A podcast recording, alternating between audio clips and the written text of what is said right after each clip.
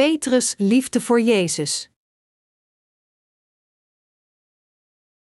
Matthäus 16, 21, 27.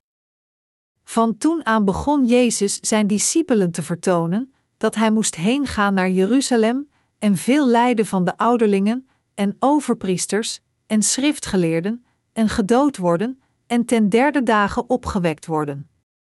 En Petrus, hem tot zich genomen hebbende, begon hem te bestraffen, zeggende: Heere, wees u genadig.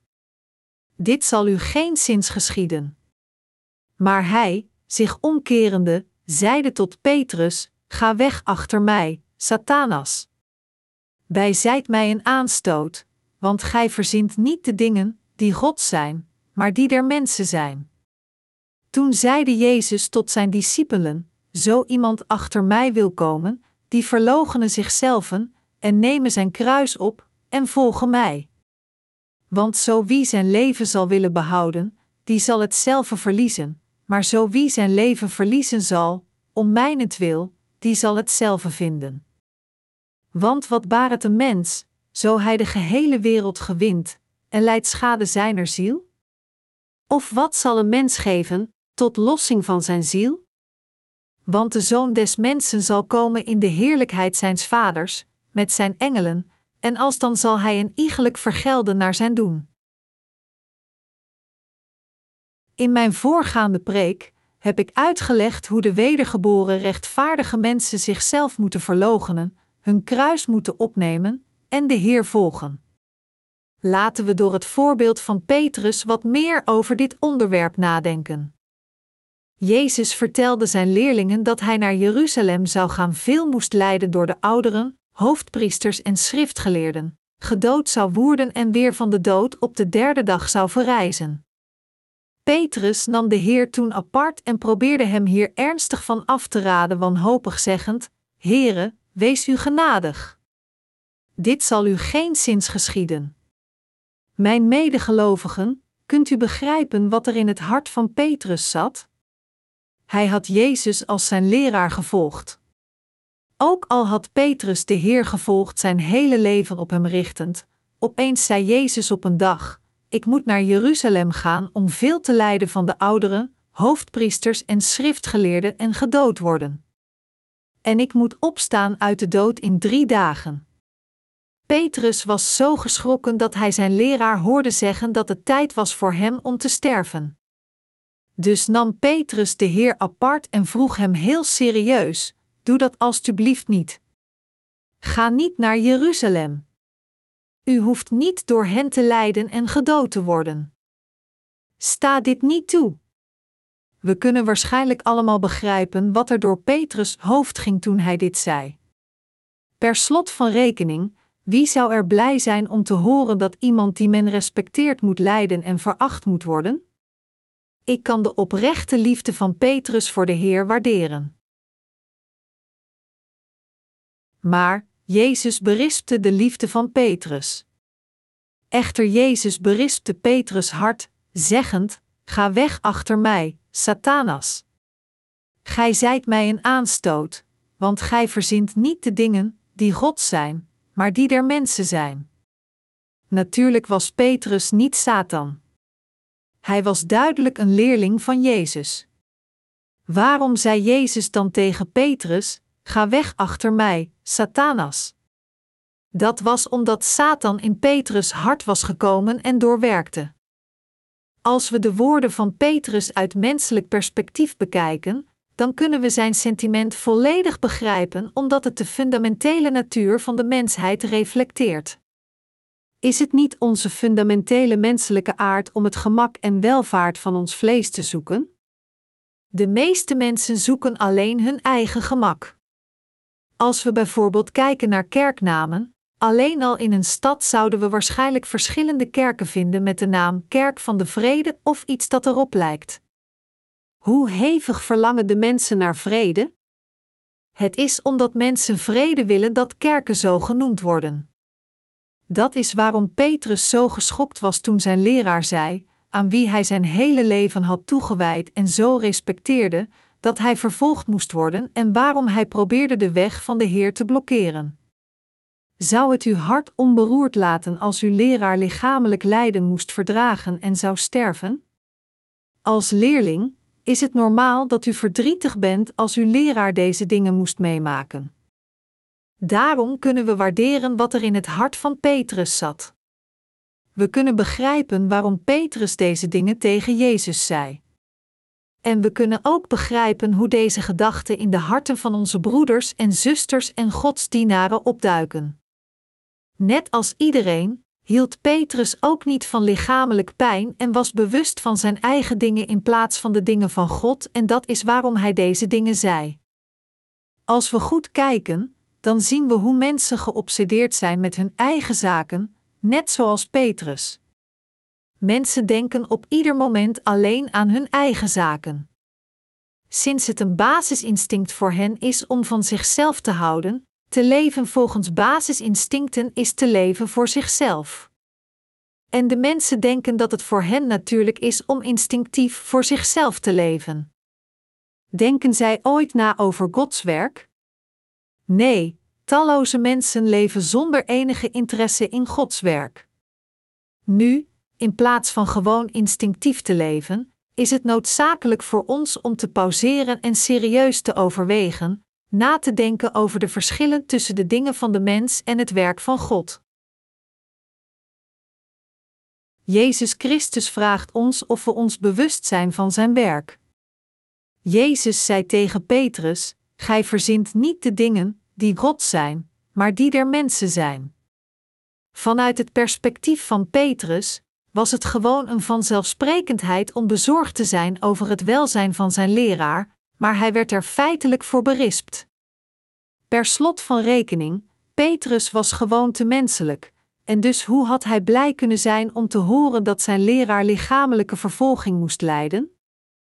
Als er een leerling was geweest die de dood van Jezus geaccepteerd had en er onberoerd door was geweest, dan zou hij een slechte leerling zijn geweest.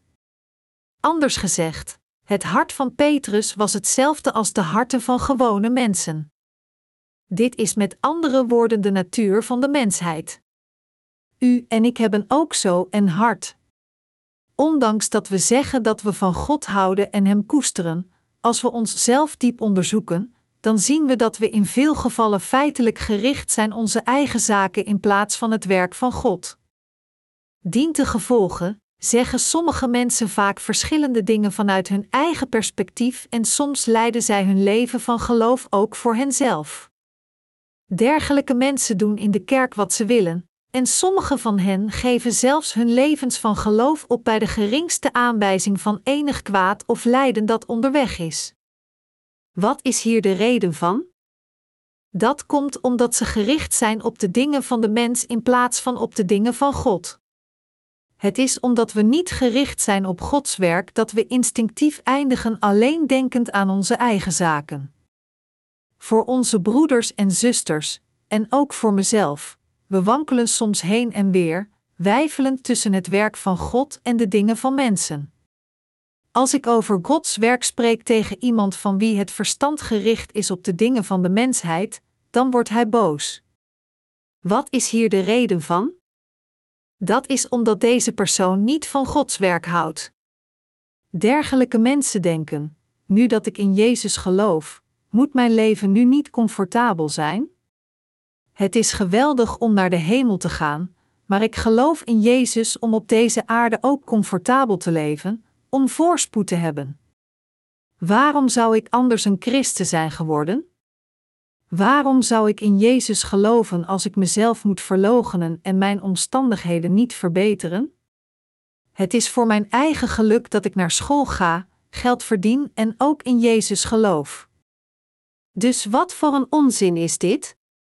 Op het ene moment wordt mij verteld dat Jezus al mijn zonden heeft uitgewist, maar het volgende moment wordt mij plotseling verteld dat ik voor het werk van God moet leven. Is dit werk van God niet om mij om geld te vragen? Diegenen die alleen hun eigen vlees koesteren, zich niet beseffend hoe kostbaar Gods werk is, kunnen zichzelf niet verloochenen zelfs nadat zij de vergeving van zonden hebben ontvangen.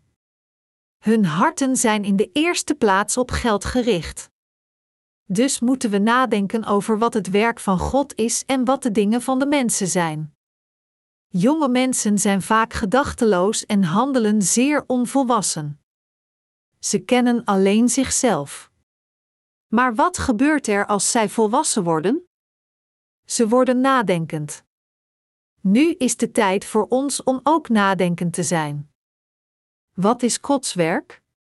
Duidelijk en eenvoudig gezegd, Gods werk is het werk van God. Om concreter te zijn, Gods werk op deze aarde is het werk dat de mensen van hun zonde redt. We zijn van plan om enkele herlevingssamenkomsten te houden in de eerste helft van dit jaar. Deze herlevingssamenkomsten zijn Gods werk. Het is ook Gods werk voor ons om samen te komen in de kerk om God te aanbidden, naar Zijn woord te luisteren, onze tijd te geven, onze materiële bezittingen en ons alles om de Heer te dienen. Gods kerken te planten is ook Gods werk. Het evangelie over heel de wereld te verspreiden is ook Gods werk. Dat is waarom wij het evangelie prediken door beiden onze literatuur en onze lippen. Wij offeren ook onze materiële bezittingen voor de verspreiding van het evangelie en we bidden voor dit evangelie en eren God. Al deze dingen zijn Gods werk. Al deze dingen die gebruikt worden door de Heer als zijn kostbare werktuigen zijn Gods werken. Als we alleen onze eigen comfort zoeken, alles dat we moeten doen is niet het evangelie over heel de wereld te prediken. Als we onze wereldmissie zouden opgeven, dan zou er ook geen enige noodzaak zijn voor offers gemarkeerd voor deze missie. Zou uw vlees dan niet comfortabel zijn? Uw vlees zou dan vrede hebben. Maar we zullen dan niets met God te maken hebben. Het werk van de mensheid staat tegen het werk van God. Ik heb onlangs een kopieermachine voor mijn kerk gekocht. Heb ik het in een opwelling gekocht? Nee. Ik had veel tegenstrijdige gedachten voordat ik feitelijk een kopieermachine kocht. De reden waarom ik het wilde kopen was om een evangelische krant in A3-formaat te maken, zodat de waarheid ook aan diegenen wordt verspreid die te dom zijn om dit evangelie van het water en de geest te begrijpen en erin te geloven, ongeacht hoe vaak het aan hen gepredikt wordt. Echter, zelfs de beste machine is compleet nutteloos als het verkeerd gebruikt wordt. Zonder een technicus die de kopieermachine kan bedienen om een evangelische krant te maken, zou het voor ons geen nut hebben gehad, zelfs als we het gekocht hadden. Ik was hier verontrust over, niet in staat een beslissing te nemen. Er werd mij verteld dat een kopieermachine ongeveer 1200 dollar zou kosten, dus dacht ik zorgvuldig na over wat wij winnen als we dit geld zouden investeren.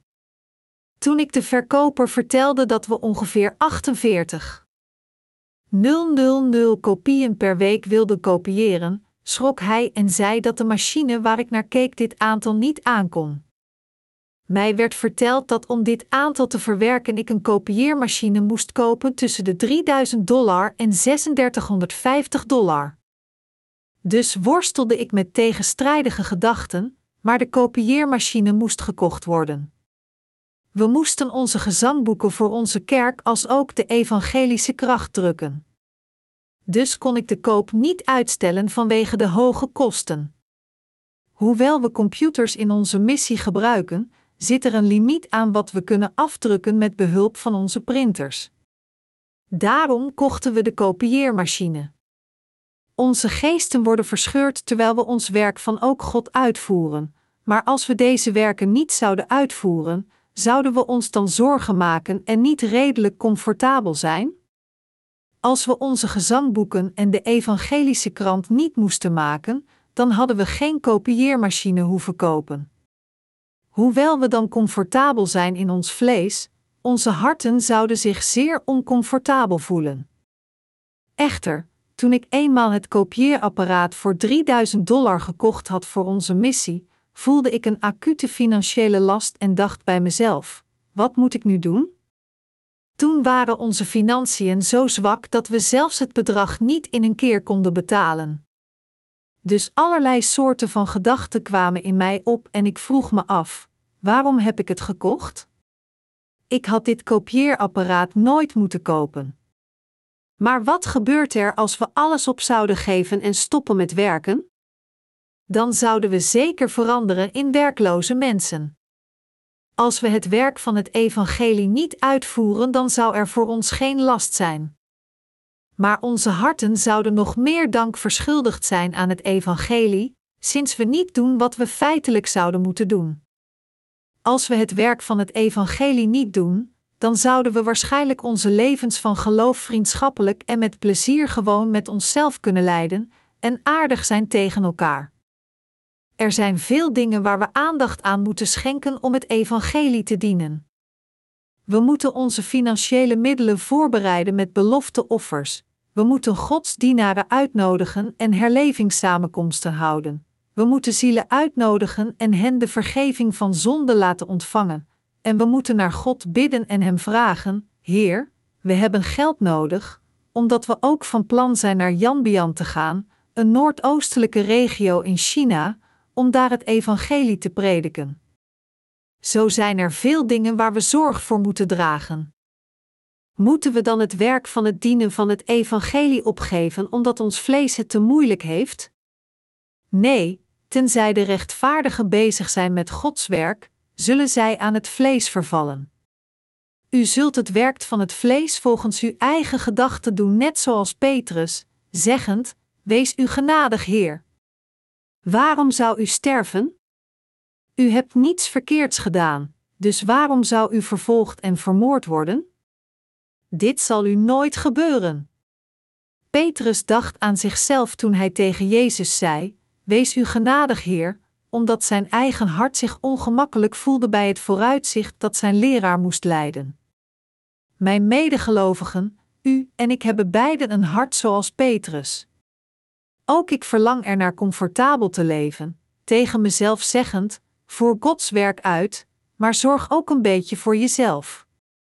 Op zulke momenten moeten we nadenken over wat er gewonnen wordt door het doen van Gods werk en wat er verliezen als we dit niet doen. Natuurlijk is het waar dat het uitvoeren van Gods werk financiële kosten met zich meebrengt en van ons eist ijverig en druk te zijn en zelfs lijden met zich meebrengt. Dat is waarom onze lichamen vermoeid worden als we Gods werk doen. Toch is er veel dat we hieruit kunnen winnen. Wij zijn geneigd te denken aan de dingen van de mensen in plaats van aan de dingen van God. Mijn medegelovigen, dit is niets anders dan onze eigen gedachten. U en ik hebben dezelfde manier van denken als Petrus, denken, pastor, waarom doet u zoiets? Doe het niet. Het zou niet bevorderlijk zijn voor u nog voor iemand van ons.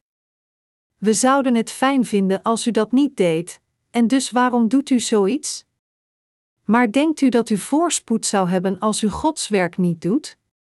Nee, in plaats van voorspoed te hebben, zult u uiteindelijk sterven.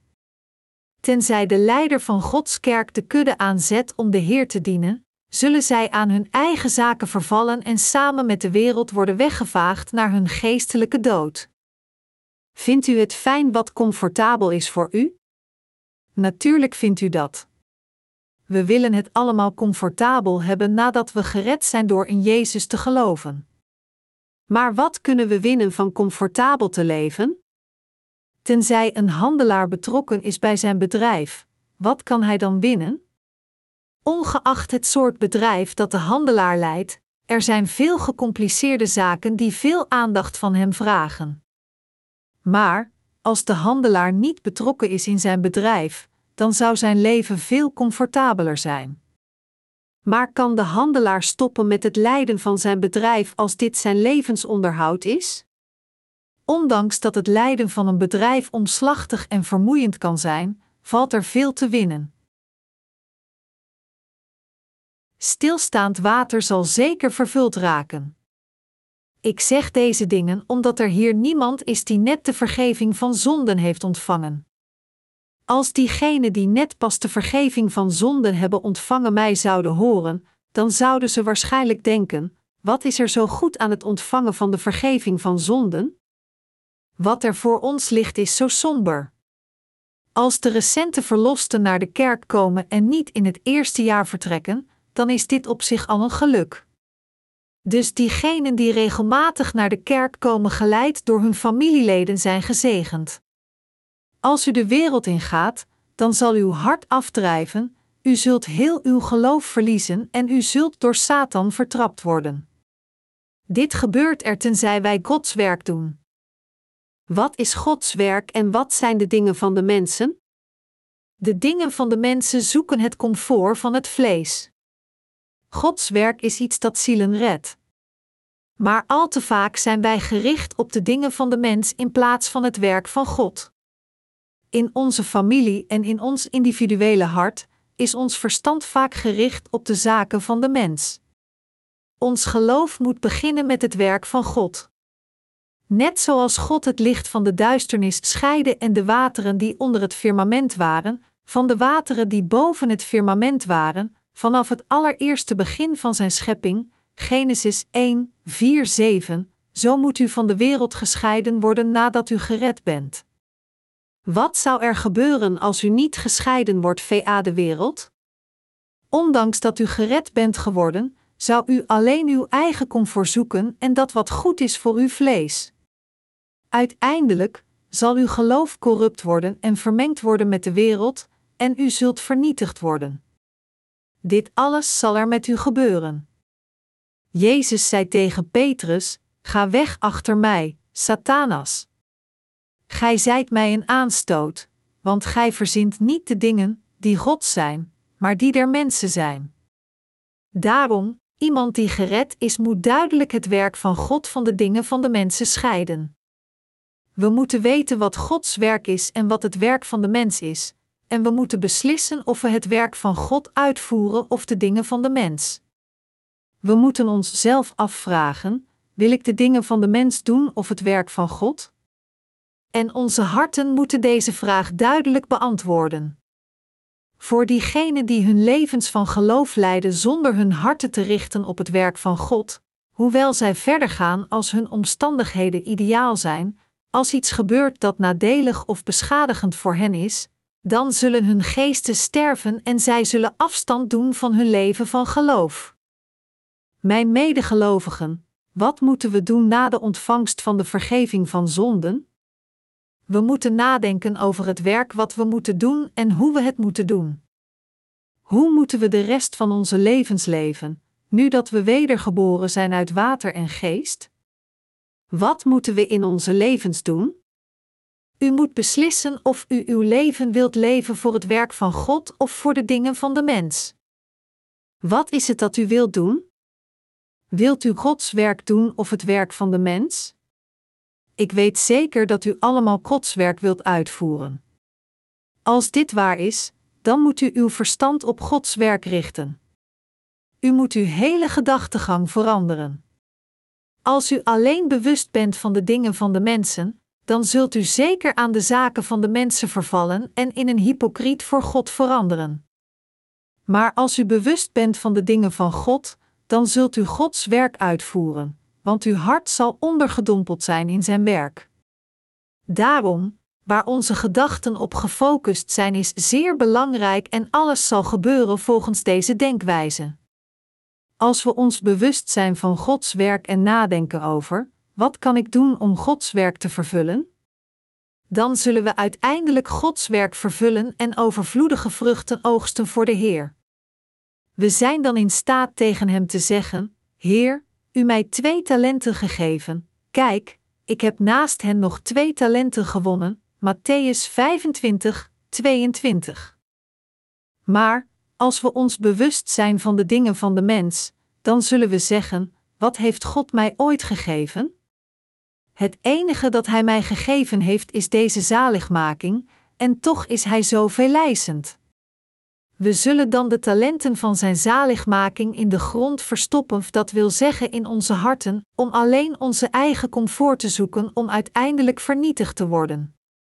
Dergelijke mensen zullen roekeloos in de wereld leven, denkend: ik vind het fijn comfortabel te zijn. Het bezorgt me hoofdpijn om Gods werk uit te voeren, sinds ik zoveel moet dienen. Dat doe ik niet. Ik ben toch gered, dus zal ik toch niet in de hel eindigen. Als dit gebeurt, dan zult u in de duisternis worden gegooid, net zoals de dienaar met een talent. Zelfs na de ontvangst van de vergeving van zonden, zullen sommige mensen denken dat het belangrijk is hun menselijke relaties tegen elke prijs te behouden. Ze voeren geen oorlog met het evangelie en tonen ook geen interesse in Gods werk, denkend dat mensen beledigd zijn als ze tegen hun kennissen zeggen: Jullie zullen naar de hel gaan als jullie zonden hebben. Dus ontvang de vergeving van zonden. Als dit de manier is hoe u uw leven leidt, dan zult u zeker wegkwijnen. We moeten ons bewust zijn van het geestelijke werk in onze arbeid. We moeten een juiste denkwijze hebben. Vooral voor de wedergeborenen is het heel belangrijk een juiste denkwijze te hebben. De Heilige Geest die in onze harten woont, wil het werk van God doen. Als dit het geval is, dan moeten we ons bewust zijn van Gods werk en de leiders van Gods kerk moeten congregatie met de mogelijkheid om Gods werk uit te voeren voorzien. Ongeacht hoe groot uw verlangen ook is om Gods werk uit te voeren, tenzij uw leider u leidt om Gods werk uit te voeren, kunt u het werk van God helemaal niet doen gedurende uw hele leven. Als dit gebeurt, dan als de Heer van u eist om in te leveren wat u voor Hem in de toekomst hebt gedaan, zult u niets hebben om Hem te tonen. Als zodanig, niemand kan Gods werk alleen uitvoeren. U kunt het alleen doen als uw leiders in uw kerk u leiden en u toevertrouwen met zijn werken. De leiders moeten zich bewust zijn van Gods werk en de congregatie aanzetten om het werk van God uit te voeren, en de heiligen in staat stellen deel te nemen aan dit werk. Het is als de heiligen de denkwijze van de leiders delen dat zij uiteindelijk Gods werk kunnen doen. Zelfs voor de rechtvaardigen kan Gods werk nooit alleen worden uitgevoerd. Kunt u begrijpen wat ik u hier probeer te zeggen? Petrus sprak tegen Jezus toen hij bewust was van de dingen van de mensen en de Heer berispte hem hierom, want gij verzint niet de dingen die God zijn, maar die der mensen zijn. Petrus maakte een serieuze vergissing. Dit kwam omdat hij gemotiveerd was vanuit zijn menselijk verlangen. Later realiseerde Petrus zich dat hij het fout had. Wij moeten ook dit besef bereiken, net zoals Petrus, en we moeten ons bewust zijn van de dingen van God in plaats van de dingen van de mens. In eerste instantie, toen Petrus de Heer in het begin begon te volgen, was hij zich te bewust van de dingen van de mens. Maar uiteindelijk kwam hij tot het besef wat Gods werk was en keerde zijn hart om. Er staat geschreven: Toen zeide Jezus tot zijn discipelen: Zo iemand achter mij wil komen, die verloochenen zichzelf en nemen zijn kruis op en volgen mij. Want zo wie zijn leven zal willen behouden, die zal het zelf verliezen, maar zo wie zijn leven verliezen zal, om mijnentwil, die zal het zelf vinden. Diegenen die zich bewust zijn van Gods werk moet zichzelf negeren. Iedereen die God wil volgen moet dit doen. De Heer zei zelf: Zo iemand achter mij wil komen, die verloochenen zichzelf en nemen zijn kruis op en volgen mij. U en ik moeten onszelf verloochenen. U kunt uw kruis opnemen en de Heer volgen alleen als u uzelf verloochent. Als u en ik Gods werk willen uitvoeren, dan is het absoluut noodzakelijk voor ons om onszelf te verloochenen. We moeten onszelf verloochenen om God te volgen. Iemand die zichzelf niet kan verloochenen, dan God niet volgen. Begrijpt u dit, mijn medegelovigen? Waarom moeten we onszelf verloochenen? Dit is om Gods werk uit te voeren en Hem te volgen dat wij onszelf moeten verloochenen. Het is niet dat wij onszelf verloochenen dat wij aan het werk zijn, maar het is om Gods werk uit te voeren dat wij onszelf moeten verloochenen.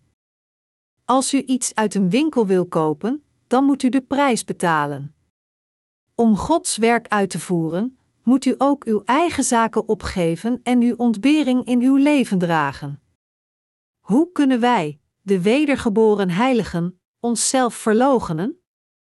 Het is omdat wij ons bewust zijn van Gods werk dat wij onszelf kunnen verloochenen. Hoe kunt u uw vurige persoonlijkheid beheersen? Hoe kunt u uw eigen koppigheid overwinnen? Het is niet wij die onszelf hebben veranderd, maar het is de Heer die ons getransformeerd heeft. Daarom, als u en ik er naar verlangen Gods werk uit te voeren, dan moeten we onze koppigheid overwinnen en ook onze eigen gedachten aan de kant zetten. Het is omdat wij ons bewust zijn van Gods werk dat wij al deze dingen kunnen doen. Als u zich niet bewust was van Gods werk, waarom zou u zichzelf dan moeten buigen? Als dit het geval is, dan zou er voor ons geen noodzaak zijn onszelf te buigen, noch onszelf te verloochenen, nog zouden we iets moeten doen dat we niet willen doen. Is dit niet waar? Natuurlijk is het dat. Dat is inderdaad het geval. U en ik moeten nadenken over Gods werk. Ook dit jaar moeten we ons voortdurend bewust zijn van Gods werk. Dit jaar en ook het komende jaar moeten al onze broeders en zusters en godsdienaren over de kerken in Korea hun verstand richten op het werk van God, in plaats van alleen aan zichzelf te denken of aan de dingen van de mens. Het is voor ons gepast om als eerste aan Gods werk te denken. Als we Gods werk uitvoeren, dan moet onze geest er eerst prioriteit aan geven. Wat het ook is, we moeten aan elk werk van God deelnemen. Als de kerk u het werk van het evangelie niet laat uitvoeren, zult u volledig lethargisch zijn. Hetzelfde geldt voor de dienaren van God. Iemand die niet Gods werk uitvoert, zal zeker in een volledig nutteloze persoon veranderen. Dit komt omdat mensen bewust zijn van de zaken van de mens in plaats van het werk van God, dat zij zo bezorgd zijn en zich afvragen: Mijn toekomst is zo zorgelijk. Ik heb iets nodig. Hoe moet ik mijn levensonderhoud voorzien? Wat moet ik eten? Wat moet ik drinken? Echter, als we ons bewust zijn van Gods werk, dan kunnen we de uitdaging door geloof aannemen. Diegenen die zich bewust zijn van Gods werk kunnen hun geloof laten groeien en doorgaan met hun levens in de maatschappij door geloof. En zij kunnen alles met geloof doen. Dit geloof is niet alleen nodig om de Heer te dienen, maar het is ook nodig om in de samenleving te leven. Er is zoveel dat u wint door geloof te hebben. De ongelovigen kunnen echter helemaal niets winnen. Mijn medegelovigen, we moeten ons dit jaar bewust zijn van Gods werk. Begrijpt u dat? U en ik moeten elk aan Gods werk denken. Ik vraag u ook om anderen te leren die net pas gered zijn geworden bewust te zijn van Gods werk. Wat zult u dit jaar allemaal volbrengen ongeacht hoe hard u uw best doet? Wat zult u in uw hele leven volbrengen? Zal het u niet lukken om gewoon rond te komen? Wij komen niet gewoon rond, maar we voeren Gods werk uit in ons leven en dan ontmoeten we de Heer. Wat hebt u liever? Wilt u leven zoals ons of wilt u de rest van uw leven niets anders doen dan zonde plegen? Is de voorspoed van het vlees het enige waar u om geeft? U moet deze dingen tegen diegenen zeggen die net pas wedergeboren zijn. Zij verlangen er ook naar om het juiste te doen in onze levens, maar omdat zij niet weten hoe zij dit kunnen doen, moet u hen leren wat het juiste leven van de wedergeborene is en hen ook de gelegenheid geven om ook de grote zaak van de Heer te volgen. Dit komt omdat in veel gevallen mensen een waardeloos leven leiden gewoon omdat zij niet weten wat juist is. Mijn broeders en zusters, realiseert u zich nu dat ieder van ons bewust moet zijn van Gods werk? Als ik mijn verstand richt op Gods werk, kan ik niet anders dan bidden. Als mijn verstand gericht is op het werk van God, wordt mijn geest verbreed, geloof ontspringt en ik word versterkt. Hoewel ons vlees comfortabeler zou zijn als we niet Gods werk zouden doen, zal er geen vooruitgang zijn in ons geloof. Alles dat we nu doen in Gods kerk is zijn gezegende werk. Als u Gods werk uitvoert, zal uw geloof in uw hart ontspringen, u zult versterkt worden en veel zielen zullen ook gered worden. Dit leerlingtrainingskamp is ook Gods werk. Dus als we deelnemen aan dit kamp beseffend dat dit Gods werk is, dan brengt dit grote zegeningen naar ons hart. Dat wij naar de samenkomst van de kerk komen is ook Gods werk. Om het evangelie te verspreiden moet uw geloof groeien, dus als u elke samenkomst bijwoont en u beseft dat dit Gods werk is, zal uw hart enorm gezegend worden. Wat we ook doen, als we werken wetend dat dit Gods werk is, dan kan alles een zegening voor ons zijn. Ook voor herleving bijeenkomsten, als we aan hen deelnemen wetend dat het Gods werk is, dan wordt het woord in onze harten gegraveerd. We zullen ernaar verlangen het evangelie vrijwillig te dienen, we zullen versterkt worden en we zullen gezegend worden door God. Echter, als we ons bewust zijn van de dingen van de mensheid, zult u waarschijnlijk denken: waarom moeten we deze herlevingssamenkomsten houden? Er zijn veel zielen die de vergeving van zonden ontvangen zonder een herlevingssamenkomst te houden.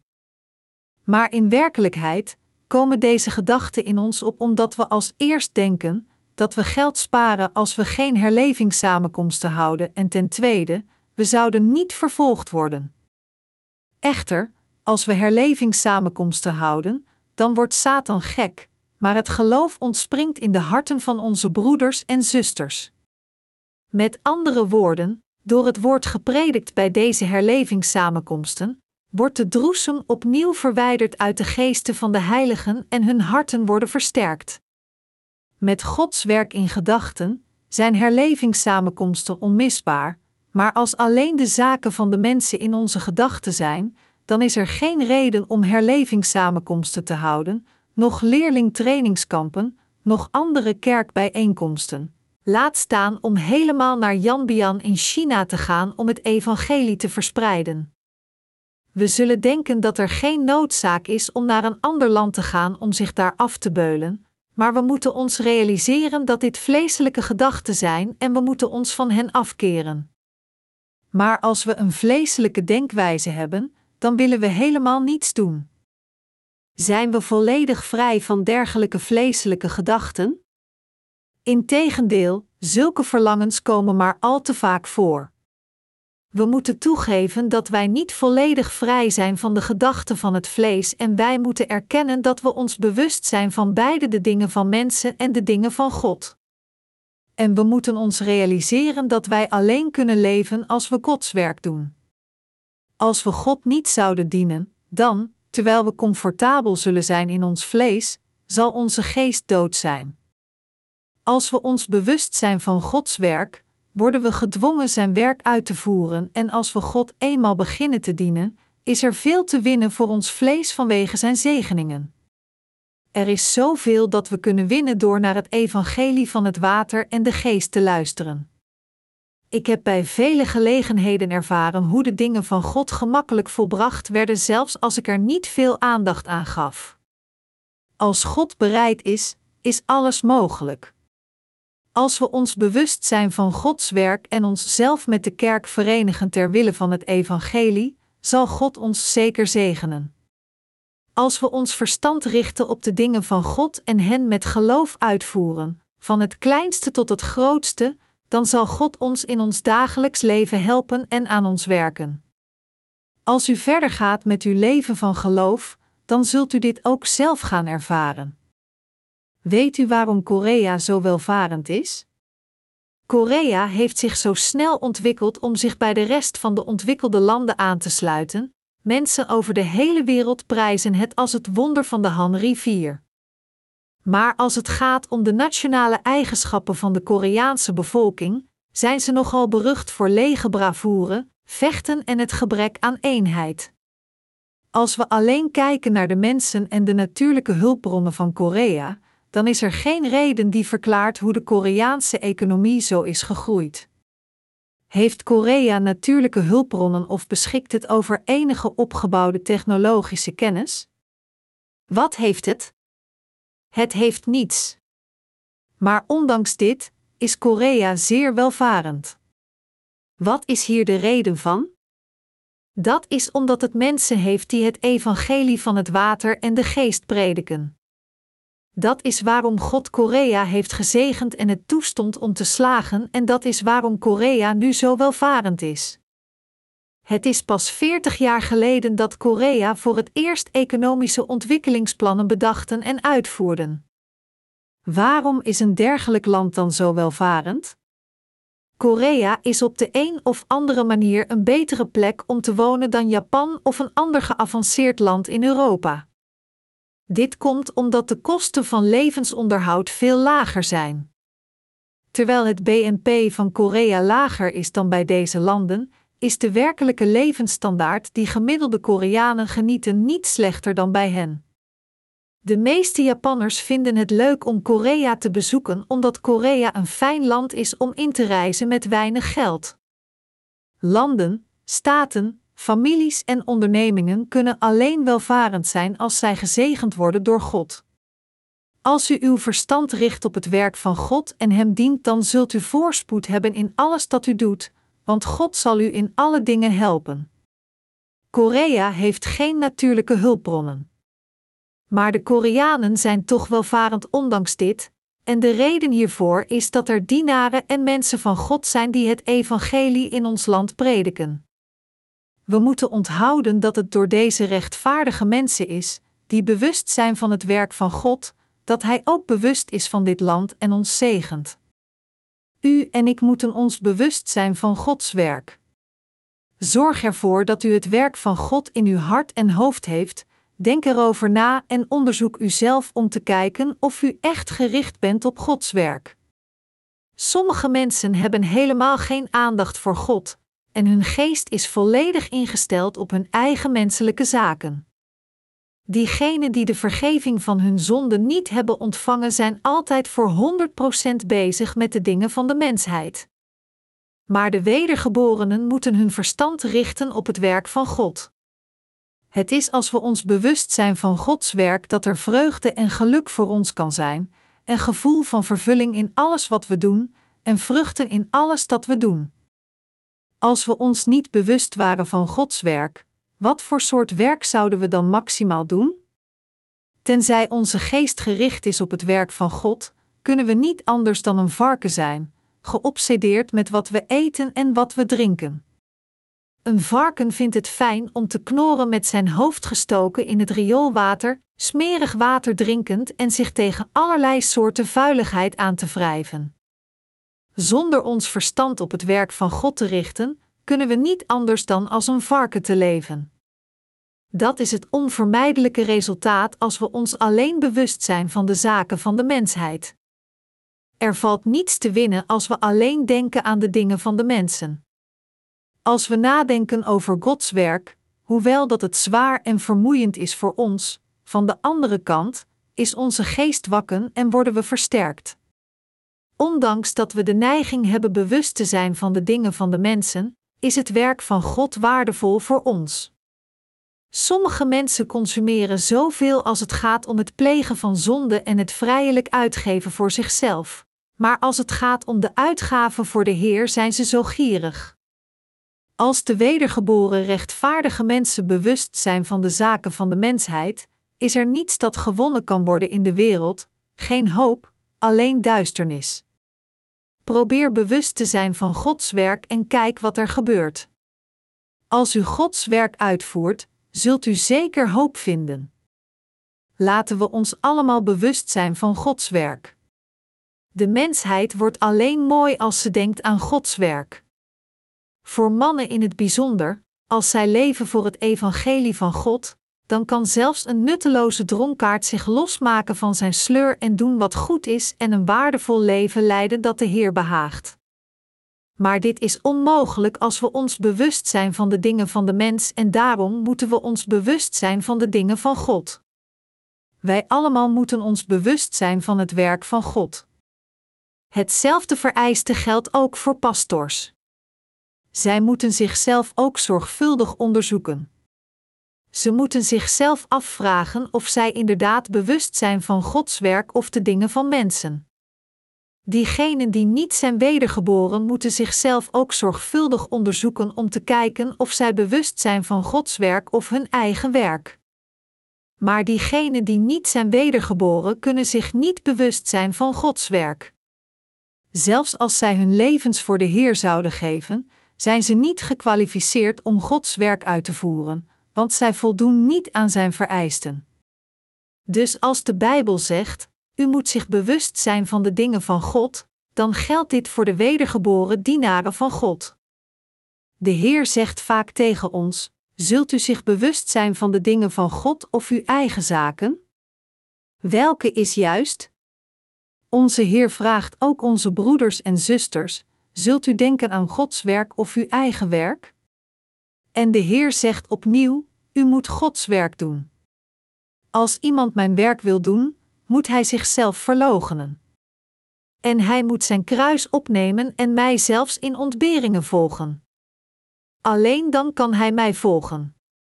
Onze Heer zegt dit tegen u en mij, tegen ons allemaal. We mogen onszelf nooit toestaan in diegenen te veranderen die bang zijn voor de vervolging die komt door het prediken van het evangelie, onze monden dichthoudend en ons zelfs niet met de kerk verenigend. Elke wedergeboren persoon moet iemand worden die de zielen met de Heer oogst. God zegt tegen ons: Als u de oorlog van het evangelie niet alleen kunt voeren, dan verenig u zelf met de kerk en doe wat er van u gevraagd wordt, door trouw het werk dat de kerk u gegeven heeft uit te voeren. Dat is mijn werk. Sta niet tegen mijn werk, maar vraag om mijn hulp en bid naar mij als u ontoereikend bent. Denk na over wat u voor mij kunt doen en begin met het kleinste werk met de juiste denkwijze en juiste hart. Wees niet zo berekenend, bewust van de dingen van de mens. Wees bewust van mijn werk. Vindt u het moeilijk het evangelie te dienen? Dat is niet zo erg zolang als u vervolgd wordt om mijnentwil. Ik zal u zeker voor uw lijden belonen. God vertelde ons bewust te zijn van zijn werk, hem te dienen, onszelf te verloochenen en de Heer nooit te negeren, zelfs tijdens onze ontberingen, maar ons kruis op te nemen en hem te volgen. We zullen dan de leerlingen van de Heer worden. Diegenen die zichzelf omwille van de Heer verloochenen en Hem volgen hun kruis dragend zijn Godswerkers en Hij zal zorg dragen voor alle levens van Zijn werkers.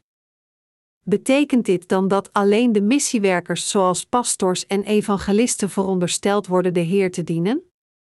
Nee, wij allemaal die de vergeving van zonden hebben ontvangen, hebben de plicht Gods werk voor Zijn aanwezigheid uit te voeren, en we hebben allemaal het voorrecht onszelf te negeren, ons kruis op te nemen en de Heer te volgen.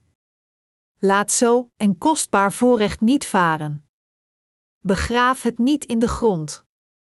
Verkoop uw voorrecht niet aan iemand anders voor een kom linzenstoofpot net zoals Esau.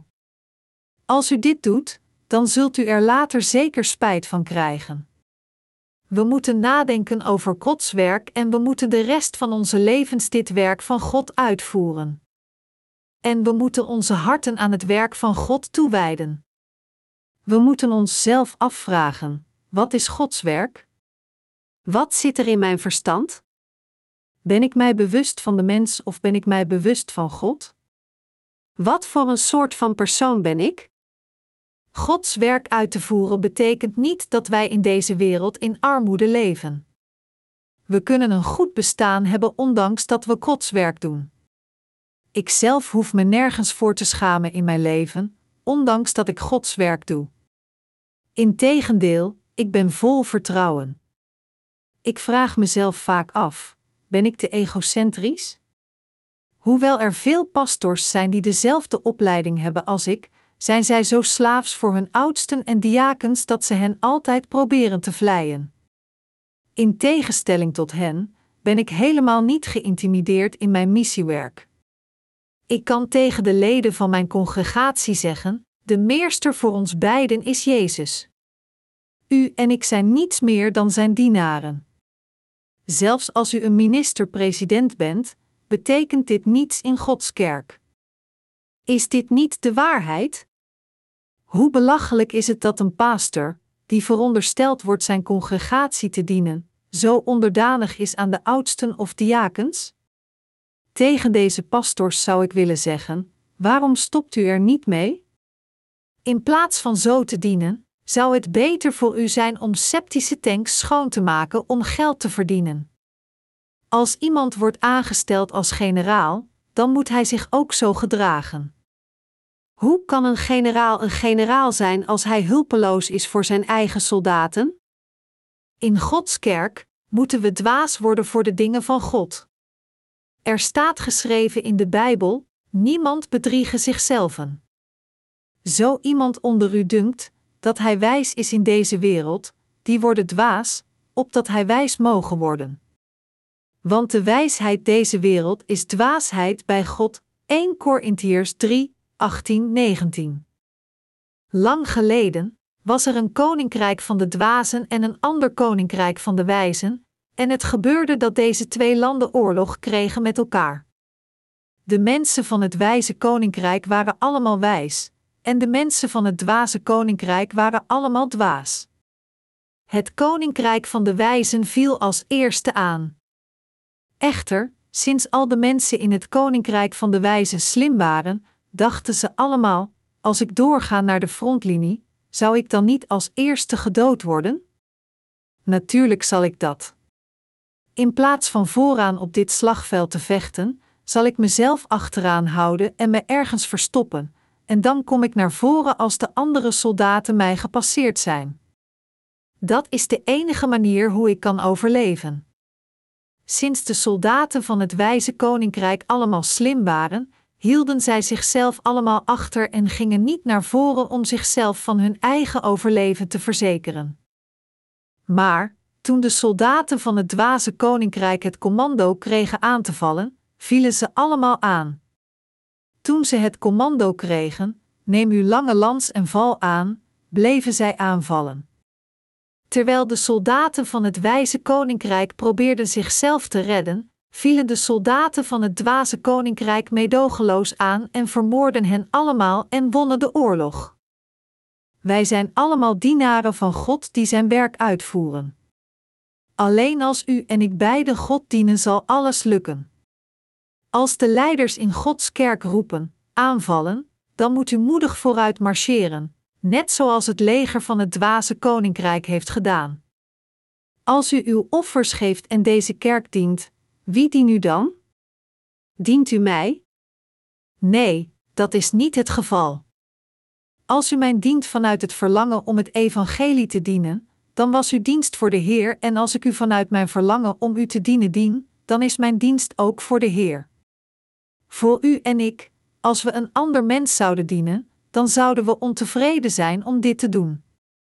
Het is omdat wij allemaal Gods mensen zijn dat we voor elkaar bidden, voor elkaar zorgen en in elkaars leven ingrijpen om elkaar aan te moedigen. Omdat u tot Gods volk behoort, moet u op deze aarde tot eerbare mensen worden gemaakt, en dat is waarom uw kerkleiders ingrijpen als u verdwaalt, als u een wereldlijk persoon bent, waarom zouden uw kerkleiders zich dan met uw leven bemoeien? Laten we allemaal aan boord gaan van dezelfde boot en Gods werk samen uitvoeren totdat we dezelfde bestemming bereiken.